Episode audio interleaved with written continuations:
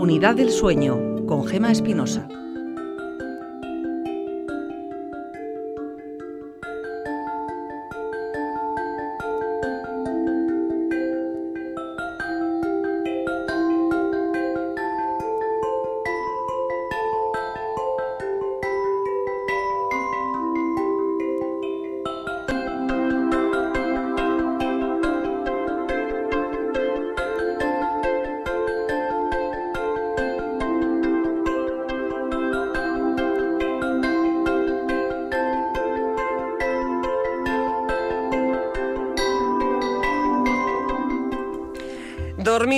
Es una pérdida de tiempo porque aunque se esté más tiempo despierto, ese tiempo rinde menos. La noche es sin duda el momento del descanso, pero la noche es el momento también en que afloran los miedos. Es dura la noche, por ejemplo, para la gente que sufre depresión, que tiene angustias. Es el momento en que a muchos les da por pensar y no dejan que el cerebro descanse. Llegan las pesadillas, los terrores nocturnos, el sonambulismo.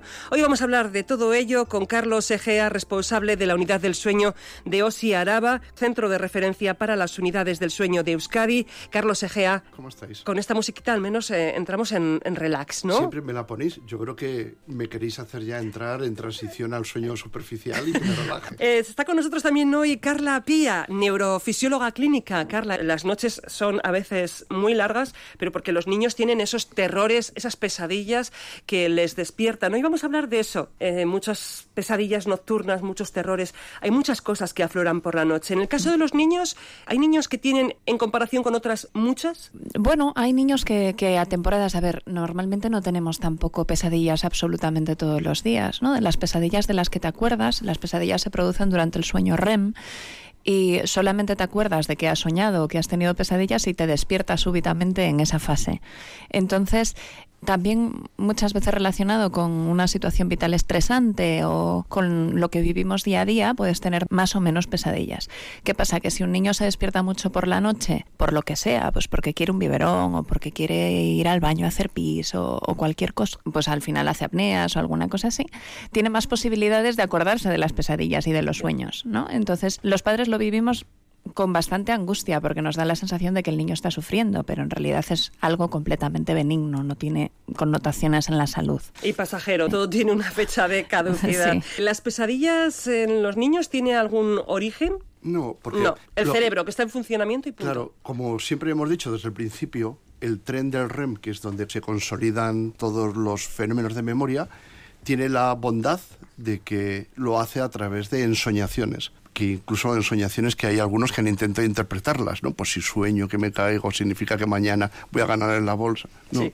de momento que sepamos, no tiene predicciones. Lo que sí es que cerca de un 15% de los niños tienen que no son enfermedades, sino trastornos del sueño, desde terrores nocturnos, eso que llora el niño, vas a por él y no se conecta contigo, hasta sonambulismos, sobre todo si la familia lo ha tenido, si lo han tenido los dos, la probabilidad puede llegar al 60%.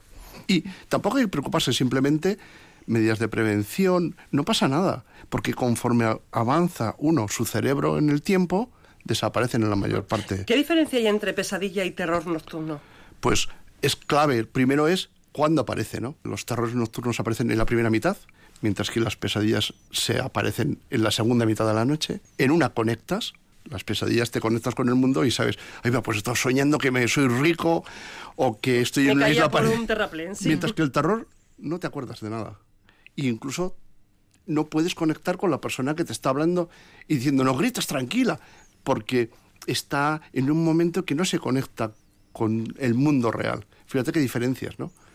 Y pesadillas las podemos tener porque sueños tenemos todos. Uh -huh. Mientras que terrores no tiene por qué presentarlos toda la población en general. Estamos hablando de niños, pero también para los mayores.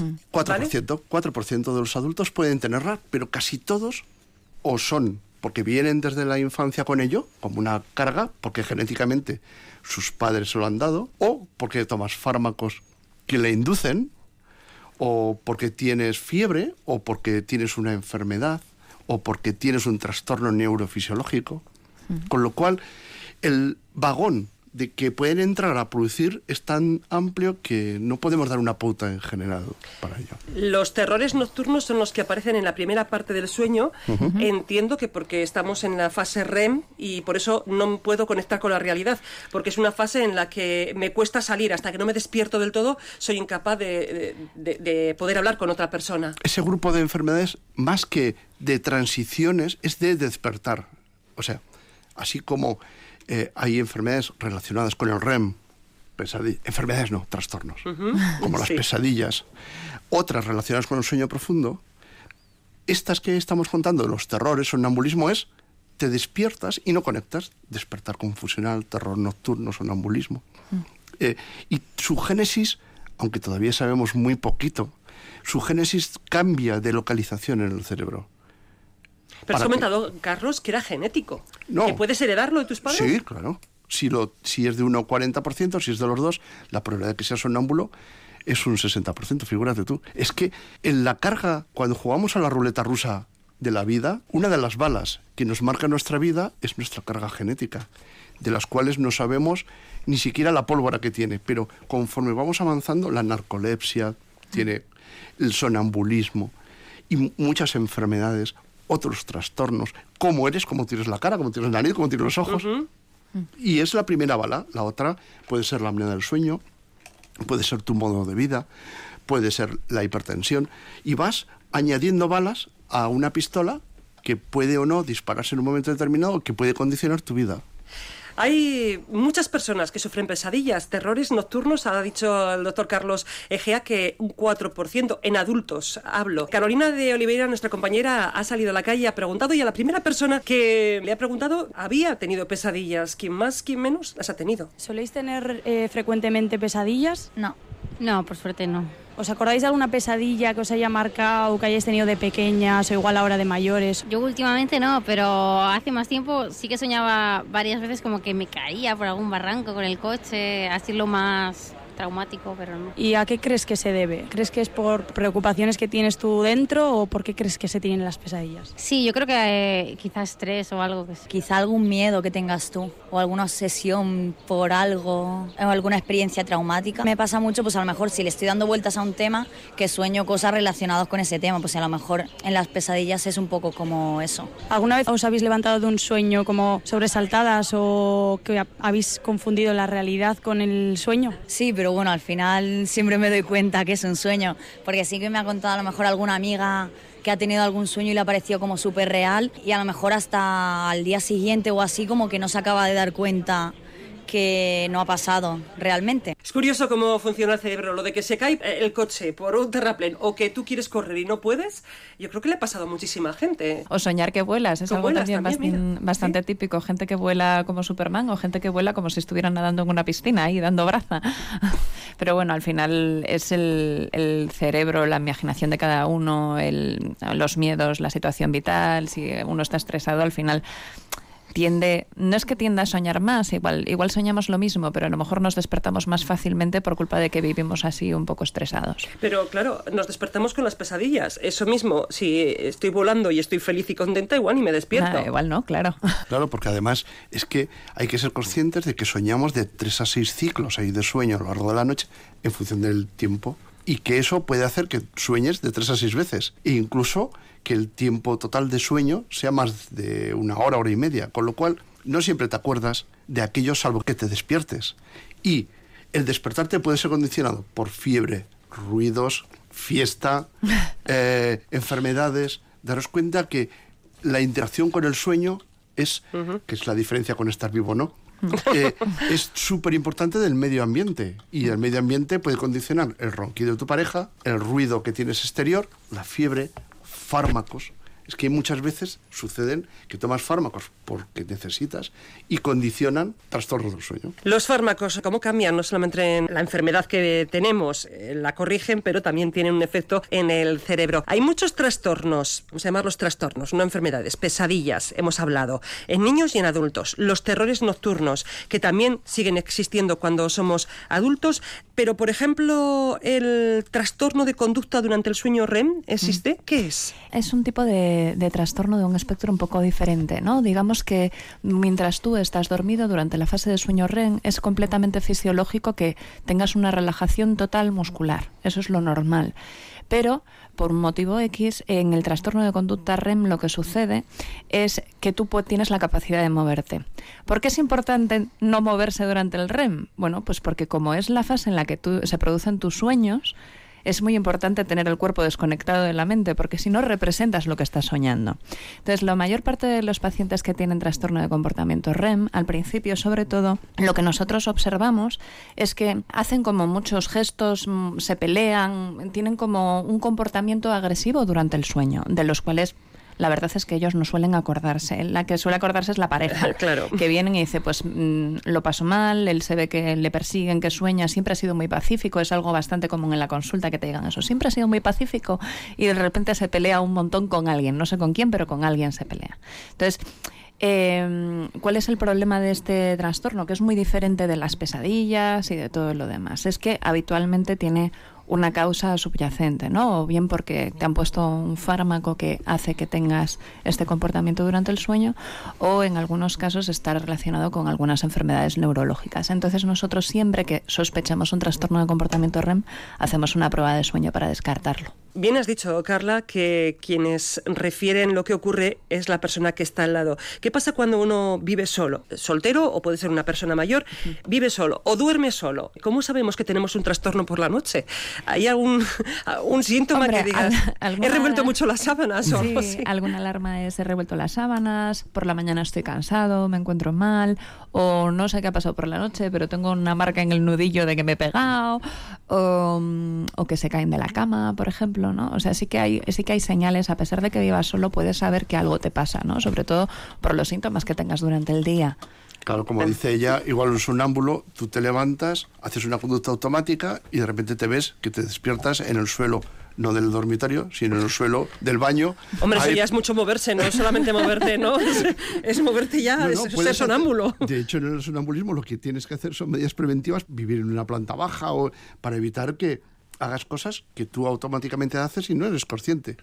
Y eso a la mañana siguiente dices, anda, pero si yo estoy durmiendo en el porche. Y eso puede contribuir, asociado a lo que dice Carla, cansancio, que has, has tirado toda la televisión, a decir, algo me pasa a mí, aunque no haya nadie que me lo mire. Incluso el vecino puede oír, oye, que este mete mucho ruido a las noches. Yo estoy durmiendo, claro. Eh, claro, eso ya sería un límite muy grande. Si solamente es que me, me- me muevo muchísimo y que no termino de descansar, como decíamos en esa parte del sueño REM, pues ya, eh, como no tengas las sábanas revueltas, me parece, si has dormido solo, hay algún, algún síntoma. Algún síntoma. Hemos nombrado el sonambulismo. Decís que es mejor no despertar a la persona, ¿verdad? Eh, No. Es otro de los trastornos que hay en el sueño, pero que, digamos, es pasajero. La mayor parte de la gente, cuando deja de ser niño, pierde se le va esa pasando. actividad. sí. Ujú.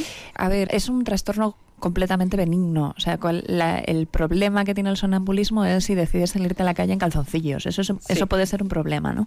Entonces, pues lo que dice Carlos, medidas de seguridad en casa, por ejemplo, encerrarse dentro de casa, pero no dejar las llaves puestas en la puerta porque si no va a ser muy fácil fugarse.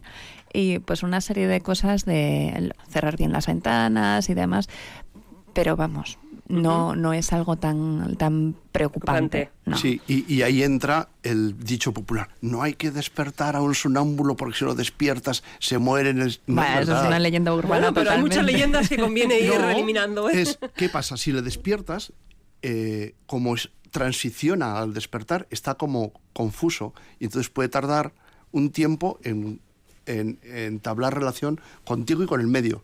Pero no que le vaya a pasar nada, ¿eh? Ah, y Además no suele ser necesario despertar a un sonámbulo porque son bastante obedientes, o sea, poder reconducirlo a la habitación más o menos fácilmente. No, no suelen ponerse agresivos y les dices, venga, vamos a volver a la cama, ya está, ya te has dado el paseo Vale. nocturno y tal, y, y eso, y no, Y no se les da deja ningún, ningún infarto ni ninguna cosa por despertarlos, ¿no? En la unidad del sueño, cuando hay trastornos, eh, pedís a la persona que duerma precisamente allí con una serie de, vamos a decir, cables, eh, pero que te dejan dormir tranquilamente. Pero claro, uno cuando duerme fuera de casa no duerme igual. Hay personas que son sonámbulas también cuando van a dormir en la unidad del sueño. ¿El Muy que es pocas. sonámbulo es igual? Sí, sí, pero, pero puede suceder que durante el estudio del sueño haga la conducta.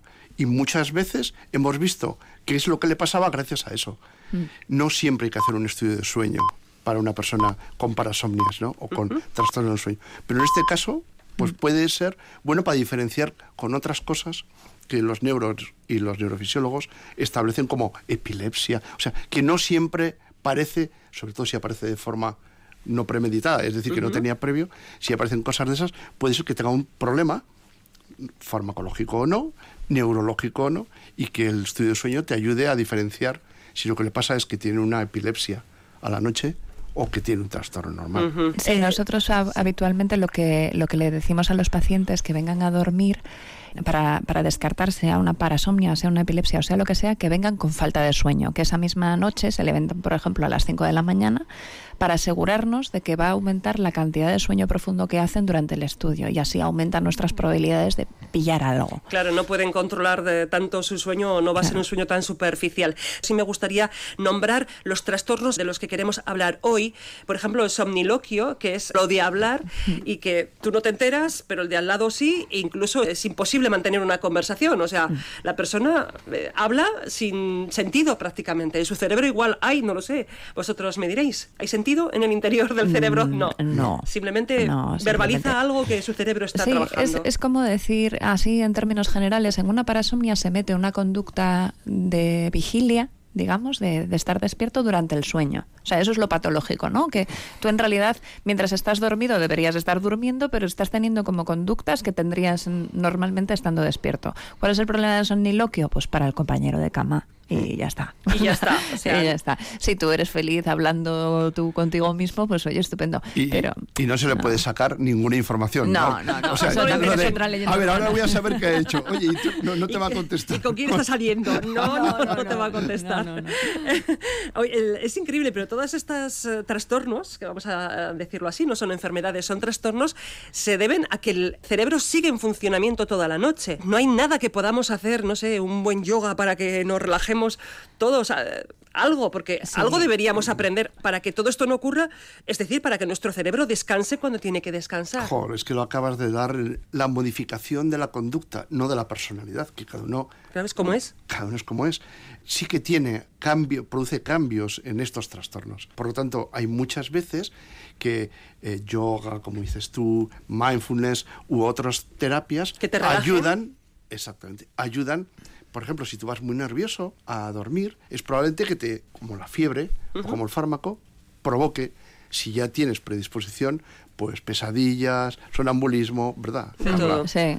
Es muy típico, por ejemplo, en época universitaria, ¿no? Un niño que fue que tuvo terrores nocturnos o despertar confusional o lo que sea en la infancia, llega a la etapa universitaria, llegan los exámenes, primeros exámenes así serios de tu vida, de repente duermes menos, sales más de marcha y se, se Eh, dispara todo, todo se dispara, vale. ¿no? es, es muy es muy típico en ese momento. Entonces, ¿qué hay que hacer? Pues esto, hay que eh, lo que estábamos comentando, Hay que ¿no? De relajarse. relajarse. Hay que relajarse. Y luego hay que hacer las cosas hasta bien. un punto, porque hay otro de los trastornos que es eh, la parálisis del sueño. Esto no es un relax. El parálisis del sueño es un trastorno y Carolina de Oliveira ha salido a la calle a preguntar y esto es lo que nos han contado. ¿Alguna vez habéis hablado por la noche? ¿Os han contado que habéis estado como balbuceando por las noches? Sí que me ha dicho mi pareja que a veces hablo por las noches. ¿Y se te entendía al hablar o...? Alguna vez sí que me ha dicho que sí, pero como tampoco se acuerda mucho al día siguiente, a lo mejor me comenta, pues estabas diciendo algo, alguna frase o algo así, pero realmente yo nunca me acuerdo lo que he soñado, o sea, no me doy cuenta de nada, la verdad. De pequeña sí que me han dicho que, que sí, que incluso de, de gritar y mi madre venía a la habitación y no, que estaba dormida, o en los campamentos hablar, pero eso, lo mismo, luego al día siguiente tampoco lo relacionaba con ningún sueño, no me acordaba de que habría soñado algo. Eh, ¿Alguna vez os habéis levantado de la cama en sueños? Soñar que me levanto para ir al baño y ya decir, uy, no, que hay que despertarse. Sí, pero no, levantarme realmente no. ¿Sabéis lo que es la parálisis del sueño? Creo que sí, más o menos. Es que no sé decirte si es realmente eso, pero mi amiga dice que a su novio ellos le llaman muñecos. Ella le dice que le da un muñequito. Él no puede mover el cuerpo y se despierta y hace ¡ah! y tampoco puede hablar. Y no sé si es exactamente eso. Y sobre todo creo que lo relacionan cuando se empacha mucho comiendo por la noche, lo relacionan a eso. O por lo menos ha salido el tema, pues a veces eh, en un restaurante, pues cuando ya estamos comiendo mucho y dicen, ¿queréis postre? Y decimos, no, tal. Y mi amiga suele decir, no, que le dan muñecos. Entonces ya a partir de ahí, pues ya hemos preguntado un poco qué son los muñecos esos. Le llaman muñecos a lo que, bueno, vosotros llamáis eh, parálisis del sueño, pero me decíais, no tiene nada que ver con lo que se come, ¿no? No, no. Es otra leyenda más. La, sí, la parálisis del sueño es un estado en el que tú estás, digamos, entre Pinto y Valdemoro, entre despierto y dormido, ¿no? Proviene del sueño REM fundamentalmente, se vive como algo verdaderamente angustioso, porque tú la sensación que tienes es de que tu cerebro está perfectamente despierto, pero no tienes la capacidad ni de moverte ni de hablar. O sea, es como que estás enclaustrado dentro de tu propio cuerpo y eso se vive como con angustia, verdaderamente. Claro, por eso lo llaman tiene. muñequito, se despierta y no puede, no puede moverse. Bueno, pues será mucho más fácil preguntar en la consulta si te da un muñeco y no una parálisis del sueño. Sí, sí, porque Pero, bueno, nada, eso en, en sí mismo, solo y aislado, pues es- sigue siendo un- una parasomnia, ¿no? Lo que hay que ver es si está asociado a más cosas para descartar otro tipo de trastornos también. Sí, porque cerca de un tercio de la población tiene cosas, parálisis del sueño, por ejemplo, y es normal. Es decir, que las personas, vamos a decir, Hombre, será sin normal, pero problemas, te despiertas y no te puedes mover y menuda angustia. asusto. Sí, sí, asusta Porque estás despierto, sí. porque Susto, si estuvieses dormido, pero estás despierto, ¿no? Sí, eso es susto. Como tener alucinaciones al inicio del sueño, que es que entras igual en un periodo REM precoz y tú estás viendo lo que deberías estar soñando. Y entonces ves animales, gente sin cabeza por la habitación y es que estás dormido, pero con los ojos abiertos. Eso es un terror nocturno, diurno y de todo. Hombre, o sea, hombre, yo pero- veo cabezas por la habitación cuando me No, pero despierto, bueno, tú- aunque no sepa si estoy dormida o despierta, ¿no? Es- Aunque veas cosas, sí que eh, es una alucinación que tú puedes criticar, o sea, que tú te das cuenta de que es una alucinación, ¿no? Muy diferente de tener un trastorno mental. O sea, no. ¿Esto tiene cura o...? Porque decía la señora, no, no le dejamos comer postre. Tampoco, igual hay que dejarle comer so- postre, pero que tenga otra solución, ¿no? Pues básicamente la misma cura que tienen todos los demás trastornos, ¿no? Si en sí mismo, si no tiene asociado ninguna otra cosa más, el, el tener, como se suelen disparar, pues por, por el estrés o porque duermes poco, o porque tienes fiebre o porque tomas algún fármaco, es mirar un poco la, la causa, no creo que tenga nada que ver de verdad con, con- con comer más o menos postre. Sí, Pobre. Encima le quitan el postre al pobre Sí, y no tiene la no pobre tiene criatura. seguro que en Bilbao, cuando el Atleti ganó al Barça, ver el partido con tanta luz, pues la luz que genera el campo de fútbol, más la excitación, probablemente un 4% de la gente que fue, pues tendría, hablaría por la noche, haría parasomnias, claro. Con la eso también- emoción del Con la momento, emoción, vamos, y viva. Sí, hay muchos más eh, parasomnias que le llamáis trastornos del sueño, eh, despertares confusionales, bruxismo.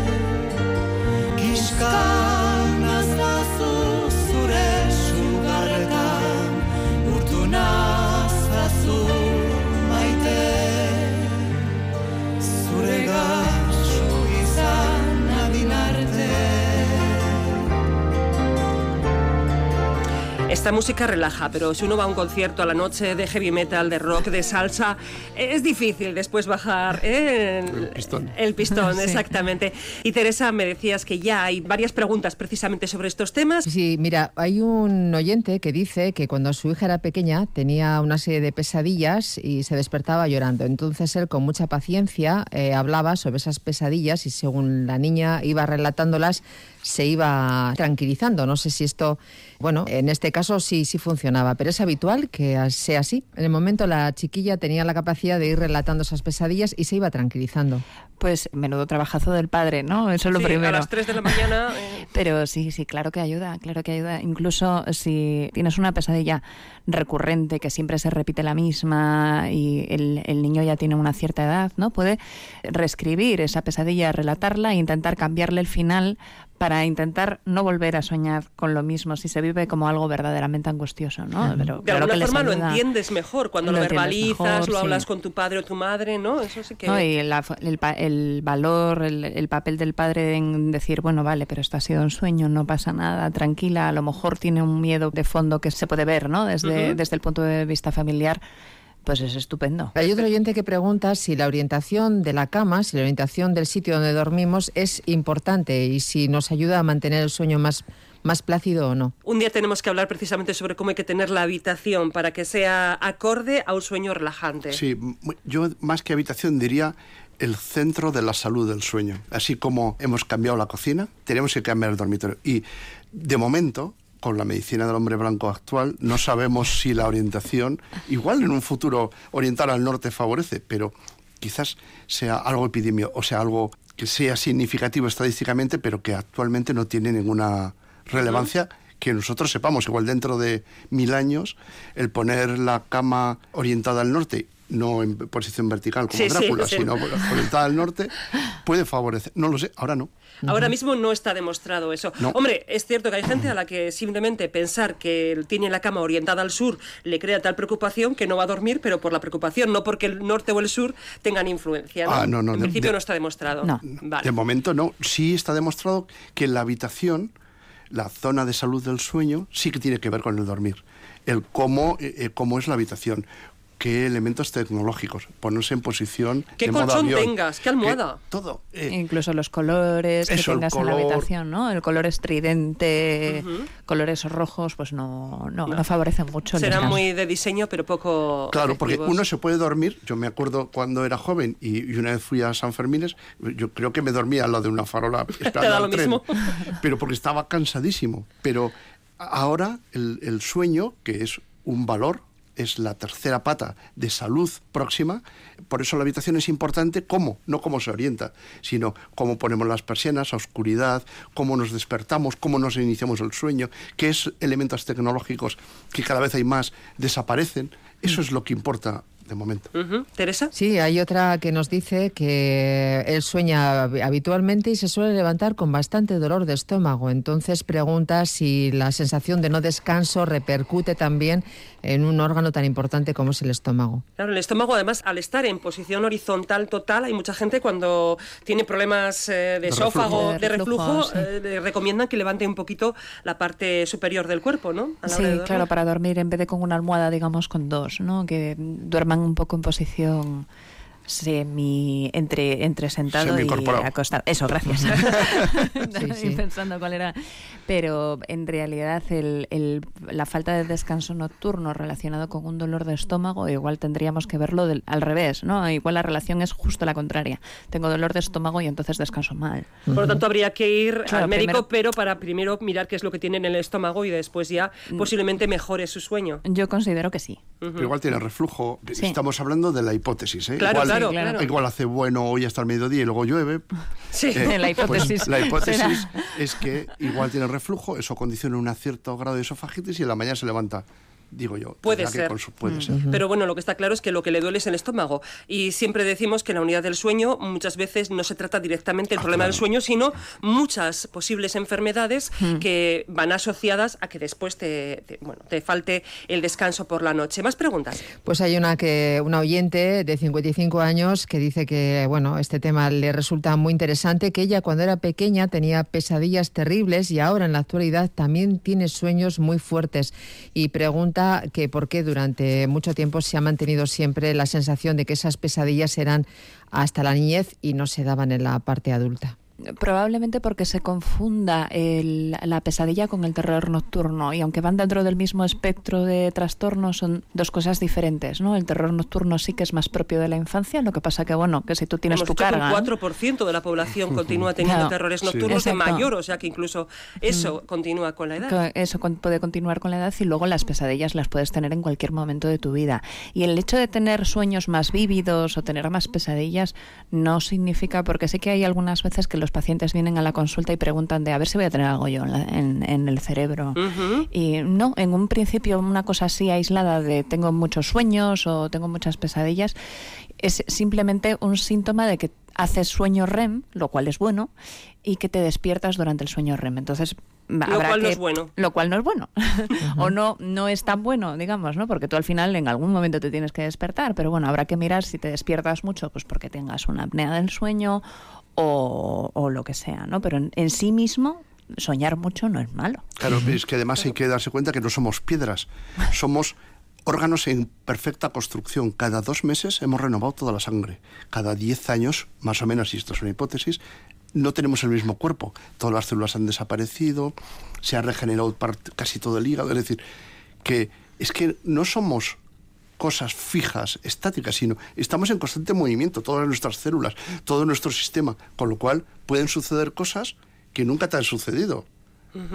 ¿Por qué? Porque cambias, porque envejeces, porque cambia tu, tu modo de vida. eh, eh, en un momento igual estabas en un periodo de guerra, luego vas a un periodo de paz, luego eh, hay problemas sociales. hay- es que... es- Sí, es- al principio eres adolescente, tienes unas preocupaciones, después Sí, eh, tienes la de la los guerra. hijos, luego tienes, luego tienes la de los padres, bueno, pues eh, va siendo así. Eh, de todas formas, eh, lógicamente, yo creo que podemos eh, sacar algo en claro de esta charla, muchas cosas en clara, pero una de ellas es que, sobre todo, hay que ir a la cama muy relajado, sin pantalla, sin televisión, sin estrés, con eh, algo relajante, con música relajante, con si sabe hacer yoga estupendo, si sabe hacer otro tipo de meditación que le relaje, cualquier cosa que le lleve a la cama como hay que ir, descansadito, casi casi ya descansando. Teresa, más preguntas. Sí, hay una persona que nos dice que no puede dormir con total oscuridad porque se siente desorientada y pregunta también si dejar la persiana un poco a media asta eh, provoca que el sueño no sea tan profundo. A ver, no pasa nada. Si la angustia de tener oscuridad total es mayor que el beneficio que se produce,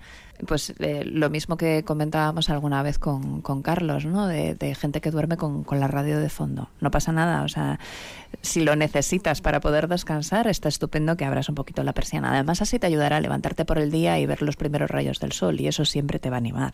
Es curioso porque esto de la persiana, cuántas discusiones hay en las familias sobre unos quieren la persiana totalmente bajada, otros totalmente arriba. A mí, por ejemplo, me- gusta ir despertándome, claro, no cuando trabajo, que no, no ha amanecido todavía, pero sí que la luz vaya poco a poco. Hay personas a las que eh, la luz les influye más que a otros, ¿no? Dar- Fotosensibles, que se dice. Eso acabas de dar en la diana y de hecho uno de los mejores despertares son con persianas medio abiertas y entrando la luz gradualmente, claro, si te quieres despertar a esa hora.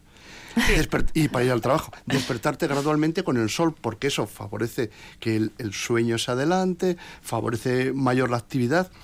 Por eso estamos por el cambio horario para que cuando vayamos a trabajar vayamos con luz, que es lo que más beneficio nos va a obtener superiores a la luz después de salir de trabajar a las 7 u 8 de la tarde. Eh, precisamente sobre eso había una pregunta entre las 50.000 que tenemos que responder todavía, pero que no se preocupen que, que vamos a ir respondiéndolas poco a poco. Decía, ¿para qué tanto el cambio de hora si al final eh, a algunos les influye tanto? En el caso de la unidad del sueño, partidarios de, de no cambiar la hora. No, partidarios de que el cambio no se produzca entre diferentes primavera o invierno, sino que sea fijo y que se acerque al horario solar, porque uno de los mayores problemas que tenemos es que cerca del 80% de las veces que vamos a trabajar vamos a oscuras. Y eso es malo para la salud, para el trabajo y para nosotros como seres humanos. Podrás obtener tus propios rendimientos económicos diciendo, no, no, es que a mí yo tengo un bar y lo que me viene bien es que el sol aparezca cuando salga la gente de trabajo para Claro. que vaya de pinchopote. Es totalmente lícito. Sin embargo, desde la salud, nosotros reivindicamos que es mejor el sol antes que después. Pero todo es discutible.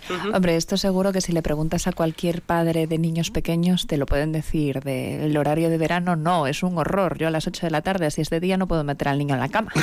¿No? Y Claro, vengo a cerrar persianas. Sí, sí, sí. y, te- y los engañas y les dices, no, ya es de noche. Y el niño te dice, no es de noche, mamá, mira que hay un poco de luz. No, y venga a cerrar Y venga a persianas. ¿no? persianas. Esto es lo fisiológico, es, es Sí. el, el horario del sol. El- Esa parte. Vamos con más preguntas, Teresa. Sí, antes hablábamos de la persiana, hablábamos de, de la luz y hay una pregunta que es muy interesante. ¿Es mejor dormir con la puerta de la habitación cerrada o abierta? Bueno, esa es otra. Y esto es radical. Habrá quien dice cerrada, habrá quien dice abierta. Pues como la persiana, unos Claro. arriba, otros abajo. Nada, o sea, no... no, no Son manías, no eso- No, claro, ¿qué pasa? Si tienes una criatura que vive, que duerme en otra habitación, a lo mejor prefieres tenerla abierta para estar en alerta o la prefieres tener cerrada para no enterarte de lo que habla. Es que eso depende, son, son gustos, ¿no? Al final, lo Eh, que digamos, es en- importante... en, esa habitación ideal que en, en la unidad del sueño de Álava precisamente hicisteis en el último congreso, Sí. eh, una exhibición de cómo debería ser una habitación, que hablaremos un día de ello, la puerta no jugaba un papel importante. No, daros cuenta que cuando analizamos los científicos, cada cosa necesitamos estudios que lo avalen, no es a mí me parece. es posible que hagas un estudio que, y que demuestre que el que lleva calcetines rosas tiene mayor número de accidentes que el que lleva calcetines blancos. Eso es una asociación causal, pero no significa que tenga relevancia clínica. Igual la puerta, hacemos un estudio en un futuro en el que tenga relevancia, porque disminuye la tensión nerviosa, pero así, a grosso modo, no parece que tenga relevancia abierta o cerrada, porque depende un poco de la persona, de sus miedos, Mm, claro. de sus necesidades, como dice Carla, de si tienes un niño, si tienes una a ti te persona puede mayor. producir tensión tenerla abierta y a mí cerrada, así que Pues viva la madre superior, cada uno que haga lo que desee. cada uno en una habitación para que cada uno Claro, tenga la claro, puerta lo que como pueda. necesitas es silencio, es Sí. temperatura, es oscuridad. Entonces, si todo eso ayuda a eh, teniendo la puerta cerrada, pues estupendo. Pero si no, no, no hay ningún. Vale. Hay dos temas de los que no hemos hablado hoy, si me gustaría, los despertares confusionales. ¿Qué son? Van dentro del mismo grupo que se llama trastornos del despertar, igual que el sonambulismo y, y los terrores nocturnos. Lo que pasa que clínicamente la persona hace cosas diferentes. Suelen ser niños que están dormidos profundamente y de repente eh, se despiertan. No suelen emitir ruido, lo que hacen es sentarse en la cama, mirar alrededor con cara de confusión, tú si intentas conectar con ellos no eres capaz y luego se dan la vuelta y vuelven a dormir. O sea, un despertar ¿Solo los niños? ¿También en los adultos? Lo puede, lo que decíamos antes, ¿no? Si tú ya tienes esa carga y luego pasas por una mm, situación en la que tengas mm, privación de sueño, más estrés o fármacos, puedes tenerlo, pero es mucho más habitual en los niños. Puede asustar un poco. Tú imagínate que duermes con el niño en la habitación y de repente el niño se sienta y mira a tu alrededor con cara de confuso. Te- a ti te puede asustar como Diciendo, algo le pasa. Sí, Sí, algo le pasa, pero en realidad no. No porque se da la vuelta y sigue dormido. Y de hecho, cuando nosotros hemos capturado alguno de estos eventos en, en las pruebas de sueño, la actividad cerebral que se suele ver es muy similar a la de estar dormido. No se ve una actividad de vigilia total y completa, ¿no? O sea, el niño sigue estando ahí. Pero pero- ese niño se vuelve a dormir, pero en el caso de las personas mayores, no sé si con demencia o no, lo desconozco, pero sí que hay momentos en los que se despiertan, no para volverse a dormir, sino el despertar es un poco de ¿dónde estoy? Eh, ¿Qué hago Claro. aquí? ¿no? Sí, pero eso es diferente. O sea, es una, es una situación diferente. Una persona que ya tiene un cerebro que no está funcionando bien, sobre todo si lo desubican o lo cambian de sitio, ¿no? Es muy típico cuando hay una persona mayor que viene a ingresar al hospital por el motivo que sea y de repente se despierta, no está en su casa, no está en su entorno, aún encima tiene fármacos nuevos metidos en, en la vía, tiene una vía, hay una señora en la habitación de al lado que no sabe, o sea, Sí. son múltiples cosas que contribuyen a tener un Claro. despertar confuso, pero Es no, es curioso no es lo mismo que la parasomnia. En los hospitales, eh, ahora que dices eso de la vía, la señora, no sé qué, en una persona mayor, el, cambias el sueño de su casa a un hospital y de repente se- su cerebro al completo Claro. se descontrola. Pero igual que me pasa a mí Mayor, y a mi esposa mayor, cuando ¿eh? nos No vamos de viaje y hemos ido a congresos o a varios países y de repente te despiertas y, no sabes dónde estás. No sabes si estás en Vitoria, estás en México, estás... Te pasa eso- porque viajas mucho para muchos congresos. No, y, y sin embargo, esto pasa también cuando vas al hospital, estás enfermo, o Mm. cuando empiezas un tratamiento, por ejemplo, antidepresivo. Es decir, que hay personas que van a la farmacia, piden algo para dormir, lo toman y eh, se despiertan y no saben dónde está, o hace conductas automáticas, o... Es que todo influye. Nos dará tiempo a hablar por lo menos del bruxismo. ¿El bruxismo qué es? Se- Es castañar, no, castañar bueno, los dientes. Sí, bueno, rozarlos, ¿no? Constantemente. que puede incluso comérselos, ¿no? De hecho, los odontólogos tienen mucha experiencia en ello, porque van donde ellos porque se han quedado sin dientes. Y lo que sí podemos decir es que hay bastantes causas que lo provocan, pero una de ellas es la apnea del sueño. De hecho, hasta hace bien poco no sabíamos que el tener episodios de apnea, es decir, y, y eh, ausencia de respiración, puede condicionar movimientos de brazos, movimientos de piernas, un ruido así estridente o que castañer los dientes. Por eso ahora gran parte de las personas que van a un dentista a arreglarse la boca o a hacerse la higiene, si eh, identifican que son brusistas, les piden un estudio de sueño, sobre todo si son roncadores. Por el desgaste. Por el se, desgaste. se nota por el desgaste de Sí, dientes, sí. ¿no? Entonces, van surgiendo cosas como también los párpados caídos, como otras cosas que se asocian a problemas de sueño, entre comillas, y que hemos descubierto que tratando no el párpado caído ni el bruxismo, sino descartando que tiene esa enfermedad, pues igual no necesita más que arreglarse los dientes, pero una sola vez, porque la causa que lo motiva ha desaparecido.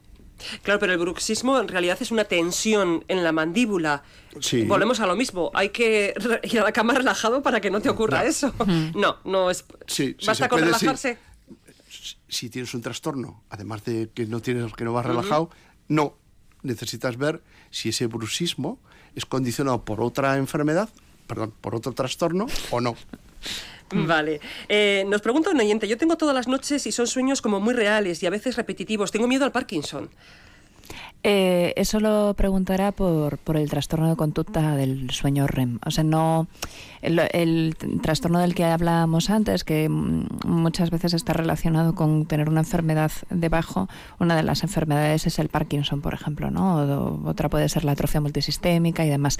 Pero es distinto de soñar mucho. Yo es que creo que todas estas preguntas provienen de alguna algún artículo eh, o algo que salió en una revista hace tiempo de personas que sueñan mucho van a desarrollar demencia. No. no, el, el trastorno de comportamiento REM nosotros siempre intentamos descartar que cuando una vez que lo diagnosticamos que tenga una enfermedad neurológica debajo. Pero un porcentaje grande de pacientes es asociado a la toma de un fármaco, por ejemplo, en los antidepresivos. Los antidepresivos te cambian los porcentajes de sueño REM que haces a lo largo de la noche. ¿no? Además, suele ser que tú a lo largo de la noche haces varios ciclos de sueño. Si empiezas a tomar antidepresivos, lo más habitual es que hagas un solo ciclo y concentres todo tu sueño REM al final de la noche. Y eso te puede ayudar y puede condicionar el que tú hagas un trastorno del comportamiento del sueño REM. Entonces, una vez que nosotros lo diagnosticamos, buscamos causas y ante la mínima sospecha de que eso pueda llevar debajo un Parkinson o una, otro tipo de enfermedad eh, neurodegenerativa, lo, lo evaluamos para, para intentar frenarlo, ¿no? O sea, mm, hoy en día las Pero vamos, enfermedades... soñar mucho no tiene nada No, que ver con no, tener. Parkinson, que es lo que le preocupa a este oyente. No, no, no, Ni mucho menos. No, el trastorno de comportamiento REM sí, pero puede, o sea, puede tener que ver, habría que verlo, pero el soñar mucho no. Sabemos que hay muchas personas preocupadas por su descanso y nosotros, más a la unidad del sueño, le preocupa su falta de descanso y su falta de sueño. Si tienen cualquier duda, más de tres meses, un sueño que no es correcto, acudan a su médico y él decidirá si tienen que acudir a la unidad del sueño. Carla Pía, neurofisióloga clínica, Carlos Egea, responsable de la unidad del sueño de Osi Araba. Un placer, como siempre. Ahora os dejo descansar, que os lo merecéis. Gracias, Muchas un gracias. abrazo. Muchas gracias. Un abrazo.